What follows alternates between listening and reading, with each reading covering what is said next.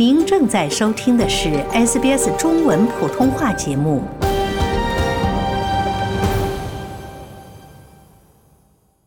从法律角度看待社会现象，以专家意见指点生活迷津。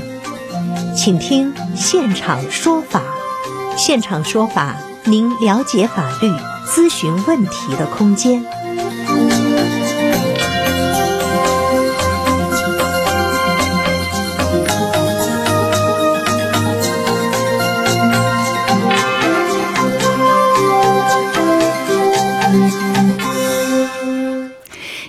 早上好，欢迎您继续收听 SBS 普通话节目。那么现在在我们的现场说法听众热线节目中，我们就请来澳和绿业管理合伙人林慧明律师来继续上期的话题，跟我们介绍澳洲的企业结构和知识产权保护的知识。您好，林律师。早上好，大家好。哎，林律师，那么啊，上期呢，我们已经介绍了在这个澳洲建立企业一些企业结构的选择。那这一期我们来跟大家介绍一下，在澳洲呢，就是当你有了一个企业之后，应该怎么样保护自己的这个知识产权？这个知识产权是指什么呢？嗯，是的，谢谢您的问题。首先，大家可能对知识产权这个概念比较陌生啊，认为它可能就是一个相对无形的嗯一个产品。呃，如果用我们的白话来讲的话呢，它可以是我们的外观，嗯。比如说一个好看的一个 logo，好看的一个商标，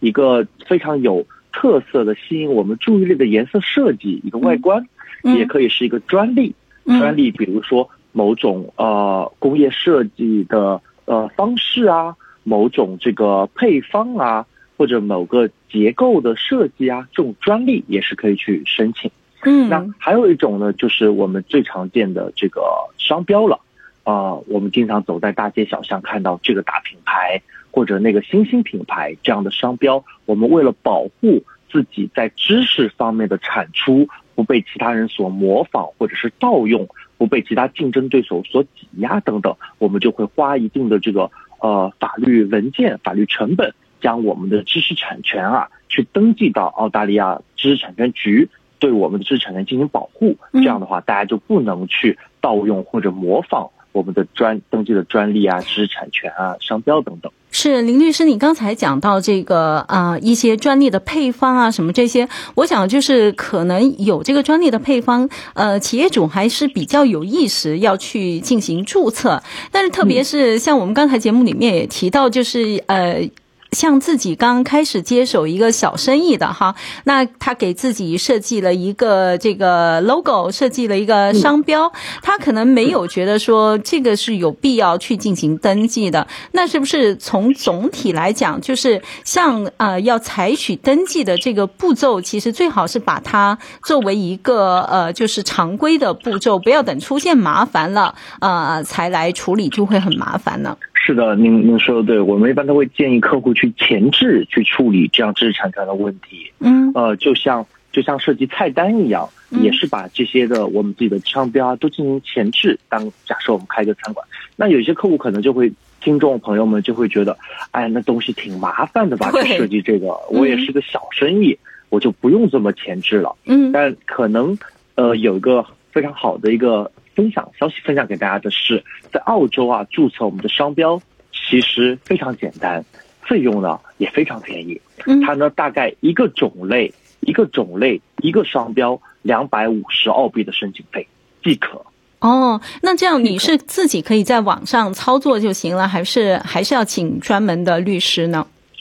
呃，如果是一个简单的一个商标设计的话，我相信大部分的这个听众朋友们应该还是能自己通过网上的一些教程啊，或者澳洲知识产产权局的一些指示啊、嗯指引啊，去完成这个，并不一定要请律师。嗯但如果是专利啊这种，可能它的深度啊难度就会大很多，就会有专业的服务人士来帮忙。但对于小生意主的商标注册来说，其实蛮简单的，我们可以把它比同于我们申请六零零旅游签证。嗯申请旅游签证也不会很难，所以有些听众朋友们就可以自己先试一试，嗯啊、费用不高，手续也挺简单的，嗯，所以呢，就可以把这个知识产权当中的商标设计，不要觉得它麻烦，把它给后置了，要把它给前置，来保护好自己的这个 goodwill、嗯商誉啊，跟知识产权、无形的产知识的这些产品等等。哎，那林律师，我想问一下，就是说你在设计自己的这个公司名称或者营业名称啊，或者是域名商标之前，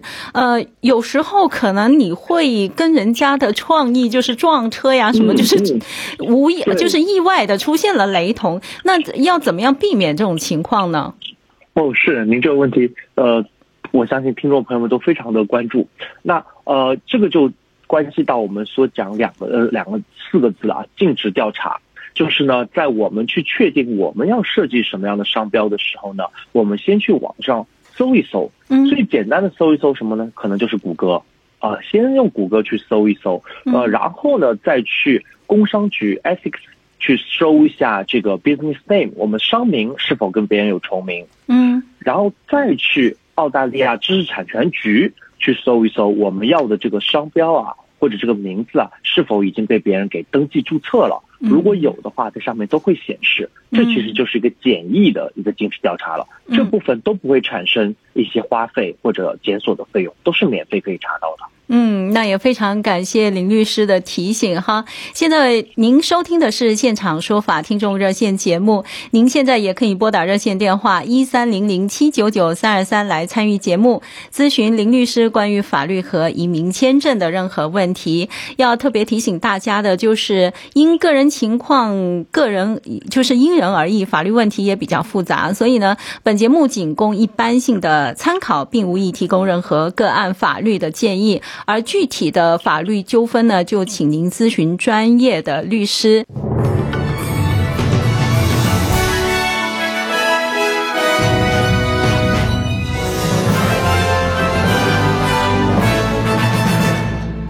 好，那么下面我们请来的就是澳和绿业的林慧明律师来跟我们分享这个澳洲企业的知识产权保护的知识，同时呢，也有多位听众朋友已经在热线上面等待，准备来咨询相关的法律问题。下面我们先请这位何女士看一下何女士有什么问题。何女士早上好，早上好，主持人，早上好，李律师。嗯，你好，我想问一下，Fair Work Commission 就是 FWO，就是那个他在第一次听证会的时候吧，他呢可以确保个人信息不会不被对方对方知道，然后呢就是保护这点哈，但是呢。呃，在第二次听证会，他就要求了，在这之前哈，他就要求呢，所有的个人资料，包括证人的资料，啊，啊都要发给对方，也就是公公司，啊，然后呢，就是还要要求证人出席。那么，这个证人呢还在这个公司工作，所以嗯我啊、我就想办法怎么就想知道有没有办法保护这个人。所以说呢，我现在一个是这个，我已经就是在他呃听证会就是 F W W O 吧，就是要求的期限之前呢，我就没有提供这个证人了，因为我不想让他在单位呃受到啊、就是报复啊或者是怎么样的，我担心、特别特别担心，所以我没有呃呃按时提供这个人了。所以我就想，还我还有没有机会，就是大在听第二次听证会当天，我把证人的证词啊，还有他的电话号码提供给当嗯、就是说听证会，我还有没有了解呃资格？然后或者是我还有我有没有保护他？假设我只给好，那我们让林律师来给你建议好吗？啊，对我我谢谢您，谢谢您何女士您的问题啊。我们哦从那个三个层面给您分析一下您刚才的问题。您的问题嗯主要是讲说，呃，您在 Fair Work 进行这个公平工作委员会当中，跟您的前雇主可能有一些纠纷，在这个纠纷处理的过程当中呢，您担心自己的信息或者证人的信息被揭露出去，让对方呢可能会有造成一定的报复的这个行为。那首先您要注意的是，如果您有这样的担心啊，我会建议您不要就是压到最后，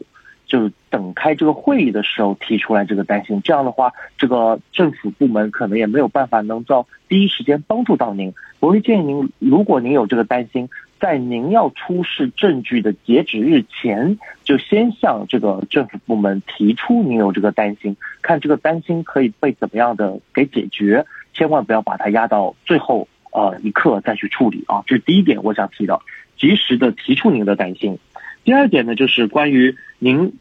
说，哎，我不想被揭露出去，可能是因为隐私的原因，隐私当中您的您的名字跟这个证人的名字啊，可能比较难保留下来，不被揭露。为什么呢？因为这是对方也有权利去知道到底是跟谁纠纷，呃，这个证据的来源是哪，不然的话，证据的公信力可能会被大大打折扣。所以呢，如如果您对一些联系方式，比如说家庭住址啊、电话号码这些，如果您有隐私上的担心的话，您可以告诉政府官员，呃，这个说，哎，这些我不想被揭露出去，但是名字可能会比较难，因为这是一个证据的来源，也是一个申请人的一个来源，这是第二方面关于隐私的。第三方面关于安全的，如果您刚才提到说我对于证人的人身啊、经济啊或者他的岗位安全啊都是有一定的担心的话，那您也告诉这个 Fair Work，呃，如果着实是有这样的信号或者是要这样事实，会使得这样的证人做出证据证词之后，会得到一定带引号的打击报复的话。那可能会有额外的方式，使得他去换一种去做出他的证据给到您支持，而不是他可能贸贸然就直接以自己一个人的身份出现在这个大会当中，使得他可能卡在当中比较尴尬。这也是非我经常会考量的，因为毕竟他还在职嘛，所以要把这样的安全的担心呢也要表达出去。所以呢，从及时提出担心、保护您的隐私联系方式、保护这个证人的安全三个方面，可能在。大会之前，先跟菲欧沃克有个好的沟通，你看好吗，何女士？啊，对，我就是现在已经是这样情况了。我再多用占用一分钟啊，就是他，也我现在已经这个截止日期已经过期了，我就是没有发送。呃，因为他回答我问了，问了那个 F W 呃 W O，他说的不可以，就是他那秘书跟我说的，他说你有什么要求，就是说呃义卖要给他们。所以说呢，我就已经过这个期了。那我这个过了这个期了以后，过了这个期限以后，我还能不能就是单方面的就给 FWO 把这个我的证词给他发过去，还有用了吗？那，我会建议您呢，呃，首先您要问他，这个时间过了之后，是不是使得您的申请已经被驳回了，申请已经被关闭了？如果已经关闭了的话，那您可能要再去提出一个新的申请。如果说申请还没有关闭，只是某一个时间线过了，但整个申请还在调查还在进行当中，我认为您还是可以补件的。您可能先问他一下，这个申请是否还在 ongoing 当中，还在持续。是的，是的，我其他我呃我的申请啊，其他资料全都发了，只唯有个证人的资料没发。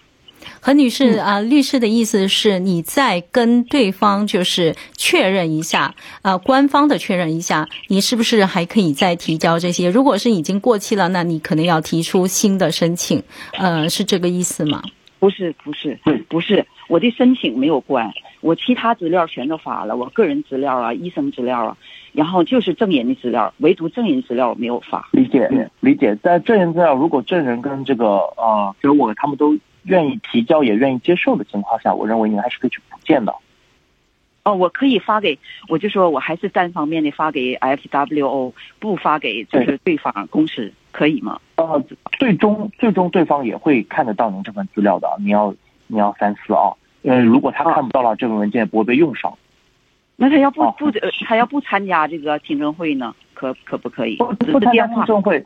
不参加听证会的话，Fair Work 可能就会做出对方没有去辩解、没有去抗辩的一个情况下的一个决定了，可能会对对方不利，因为对方的这个解释，Fair Work 就听不到了。啊，对，就是也可以是吗？也可以，就是说只给电话，他可以就是听证会可以给远程打电话，他可以他可以选择远程参加。嗯，啊，对呀，啊，他不参加可以吗？就是说。只不过就是说的不参加现场，但是你呃听证会可以给他打电话，给我的证人打电话，这样哦，他有多种多种做做做出证词的这个方式，包括书面啊，包括远程啊，包括实地啊，到时候根据他的个人情况，根据我们刚才讲到隐私安全的情况进行酌情的安排。但是但是听证会说的要到要求到场，嗯，对，所以一定要有提出担心，说为什么不能到场，要啊。要告诉他这样的原因背后的担心在里面。谢谢谢谢谢谢尹律师。好，那也谢谢何女士的电话，祝您一切顺利，谢谢。好，下面我们再来接通另外听众朋友的电话，王太，你好。呃，我想问一下那个林律师啊，我有一幢房子，那个是我自住的。那我想问一下，就是我现在，嗯、就把我这个房子啊，那个，呃，转给我女儿，还是跟我那个去世以后给我女儿，这个有没有什么区别啊？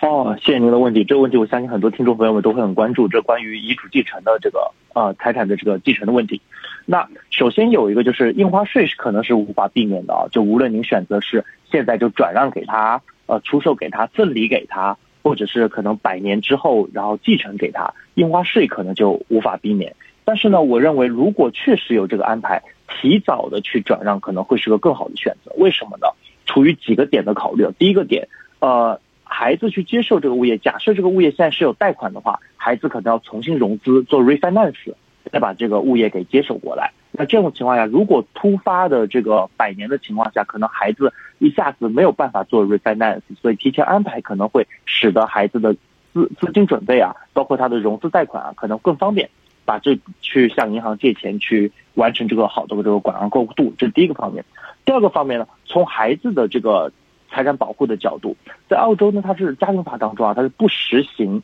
这个婚前婚后制度。虽然不实行这个制度，但是呢，在呃双父母跟孩子都还在时可以沟通的时候，大家可以去沟通一种比较好的方式去保护孩子，如何更好的以个人的名义去接受这笔资产。那如果是百年之后他已经成家了，继承过去的话，那肯定就是婚中之产了，婚中中间的中啊，婚中资产了。嗯，然后此外第三点呢，就是预防一些遗嘱或者继承的纠纷。如果不是独生的孩子，可能还有三两三个孩子，呃然后两三个孩子呢也各自有各自的伴侣的话，如果没有遗嘱，那就是按照法定继承。按照法定继承呢，对于有一些家庭来说，可能会引发一些财产的纠纷。但如果是在呃继承人在世的时候，他就按照自己的意愿直接去处理的话，可能还可以避免这样的财产的这个纠纷。所以基于这三种情况呢，我认为及早处理会比在百年之后再处理，对于继承人来说，他可以有更多的主观和把控在这件事情上面。啊，呃，林律师，我是这样，因为我那个房子呢、是没有什么借贷的，而且我那个呃子女呢，我也是独生的，呃，嗯但是呢，呃，因为现在我年纪大了呢，我女儿想让我住到她家里去，可以照顾我。嗯所以我就想，那个房子就空在那里了嘛。那我就这个房子呢，我就想，现在如果我就给他，那么这个里面呢有一个问题，就是这个呃，不知道律师是管不管？因为我是拿那个 patron 的，那么我这个房子给我女儿的话，是不是算我这个房子卖给她呢？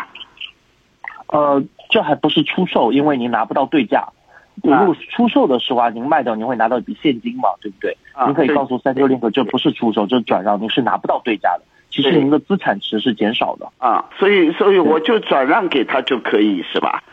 是的，转让给他，您可以理解为其实就是赠与，呃，什么？是赠与，赠与，对，呃呃，赠与给他，那呃不会呃不会，他讲啊，这是你的财产嘛，你赠与给他就不可以，会不会有这种啊？我们刚才讲到的这些，其实都是您赠与给他的原因，包括您的年龄啊、身体状况啊，之后担心可能的这些百年之后再继承给他的一些纠纷啊，所以啊提前会去做这些安排。这些啊在老年群体当中其实比较常见的，因为老年人其实慢慢其实已经没有能力再去打理这样的资产了。所以林律师给王太的呃，就是比较直接的建议，就是是可以赠予的，是吗？是的，是的，并且可能尽早安排。嗯，啊，也不会影响到我那个呃拿那个 pension 的那个呃。我认为不会哦，但可能具体还要结合您的情况跟三丘令哥再确认，在您转移之前。啊哦，好的好的，那我嗯我就现在如果转让给他的话，就是给他的话，跟我去世以后给他那个呃给政府的呃那个支出，也就是那个印花税是吧？对的，还有产权登记费，但这两个呢，无论在哪个阶段，金额没有发生变化，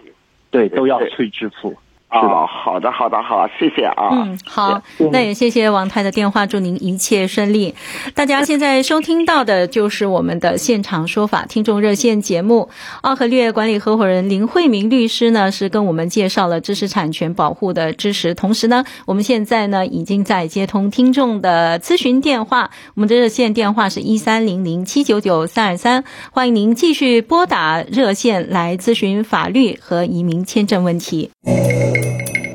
好，听众朋友，欢迎您继续回到现场说法听众热线节目。现在我们有林慧明律师在我们的现场来接受您的询问。那么，下面我们来接通吕女士的电话。吕女士，你好。哎，你好，哎，林律师你好，哎，你好，哎，我今天是啊，林律师，我今天就是有一个问题，就想要写一个遗嘱，然后我就是想问一下。因为呢，我就是去那个 post office 买了一份那个遗嘱嘛，就看到里面有一些问题我不太清楚，想跟啊律师询问一下。那就是说啊，就是关于他说，如果我们就是说呃过世了以后，然后我们就留给我们，因为我有三个儿子嘛，我就把产业就分平均分给三个儿子。然后呢，他后面还有一个说，如果就是说，万一有一个儿子他不在了，然后他那一份会分到他的孩子那边去，对吗，律师？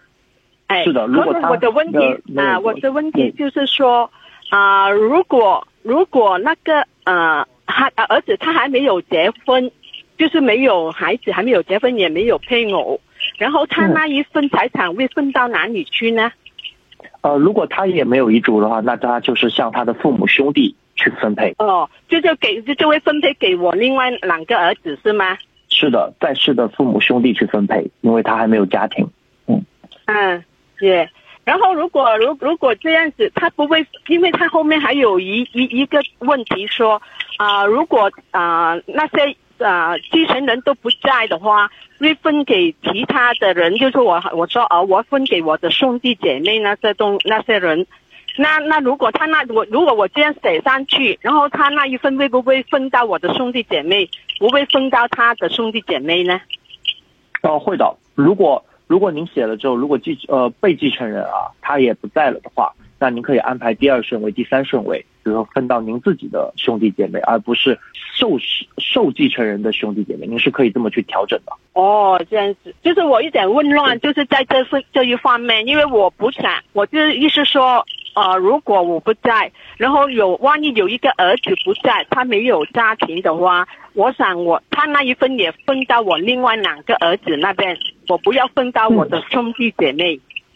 理解的是可以这么安排，您可以写在你的 will kit 里面哦。但如果您觉得在 will kit 里面您是有一些不确定的，其实我还是比较建议您去寻求专业建议，让律师帮您定稿的，因为一份遗嘱是其实蛮有可能遭到这个纠纷。和被挑战的是存在这种情况的啊，对对，就是我在填写的时候我就发现这个问题，我就是发发现就是怕以后有什么问题出现的时候就不好了嘛，对吗？是的，是的，是的，所以 Will Kit 您可以拿来当一个指引哦，对加深一个了解。如果当您有问题比较复杂的案件，像您有三个孩子嘛，最终定稿之前，我还是建议您呃去寻求一下专业建议来定稿这个文件。嗯，吕女士可以吗？嗯，好，好，好，谢谢你了哈。好，祝您顺利。那也谢谢您的电话，拜拜。好，好，现在您收听的依然是现场说法听众热线节目，我们继续来接听听众朋友的电话。同时呢，提醒大家，因为个人情况是因人而异，法律问题也复杂，所以本节目仅供一般性的参考，并无意提供任何个案的法律建议。具体的法律纠纷呢，请您咨询专业的律师。下面我们来接通。通 Lily 的电话，Lily 你好，哎，你好，您的问题是？呃，律师主持人你们好，我的问题是说，我大概在二十年前，我女儿还在上，很早很小的时候，我就立了一份，跟我先生立了一份遗嘱，是在律师楼立的。那么就是说，我们两个人夫妻之间呢，就是说谁先去世，那么全部财产就给配偶。如果配偶最后一个去世了嘛，就给我们唯一的女儿。但是我这份我这份遗嘱应该在家里的某一个地方，太久了我没找到，甚至连这个律师楼，一个是西体的，一个是 s 的，我也搞不清楚了。我就是想请问一下，我这份文件确实存在立过，还有没有效？是有效，但是呢，如果找不到，并且那个帮您的执行人也找不到的话，那就变成执行的问题了，就不是它本身文件合法性的问题，就等于一个合法的文件、合规的文件，它找不到就执行不了，变成这个问题了。您呢可以再找一找，但一般的遗嘱呢也可能去做法庭做登记，你也可以如果有的话，你也可以去法庭问一下是否已经被做过登记，这样您可以拿到备份。但一般来说啊，原件呢可能都在客户或者律师那边。如果实在没有真的发生意外遗失了，那您可以趁可能尽早啊再去补一份，然后并且呢保留在律师那边，然后同时呢去法院做登记，为以防未来再丢失。嗯，那么我的问题就是，我要好好的认真去在家里找，然后再去那个我有印象的律师楼再去看看他们还存在不存在，呃，去查一下。一般啊，对，是将您跟先生的名字告诉他们，他们就能做检索的。嗯，那么不不好意思，还有一个问题就是说，因为我我呢是初婚，我先生是二婚，他有前边的子女，但是我们遗嘱里边，他前面的子女不包括在受益受益人里边。那么这个有没有去世后的法律纠纷呢？一份合法的合规的遗嘱，就算他是可以去决定就众多孩子，他只是可以只给一个孩子的。可能在百年之后，另一个孩子还是会提出纠纷。但是如果一份合法合规的遗嘱，就算提出纠纷，我也不认为他会被挑战，因为这是继承人的权利，就可以去分配自己的遗产给一个人还是给多个人。啊，就是说遗嘱的法律效益是非常有用、有作用的啊。是的，是的，是的，是可以排他的。嗯，好，那太好了，我非常清楚，非常感谢啊，给了我解决了我的疑惑。谢谢你们，谢谢丽丽。嗯，时间呢已经来到早上的八点五十八分，也希望啊，在下周二同样的现场说法热线节目中，大家呢可以尽早的打电话来，保证你的问题能够得到回答。那今天我们也非常感谢来自奥和绿业管理合伙人林慧明律师参与我们的节目，谢谢你，林律师。谢谢您。想在 SBS 当一回影评人吗？SBS On Demand 正在推送配有中文字幕的热门影视作品，您只需观看一部或以上影视作品，并把影评观后感发给我们，就有机会赢得一份 SBS 精美礼品。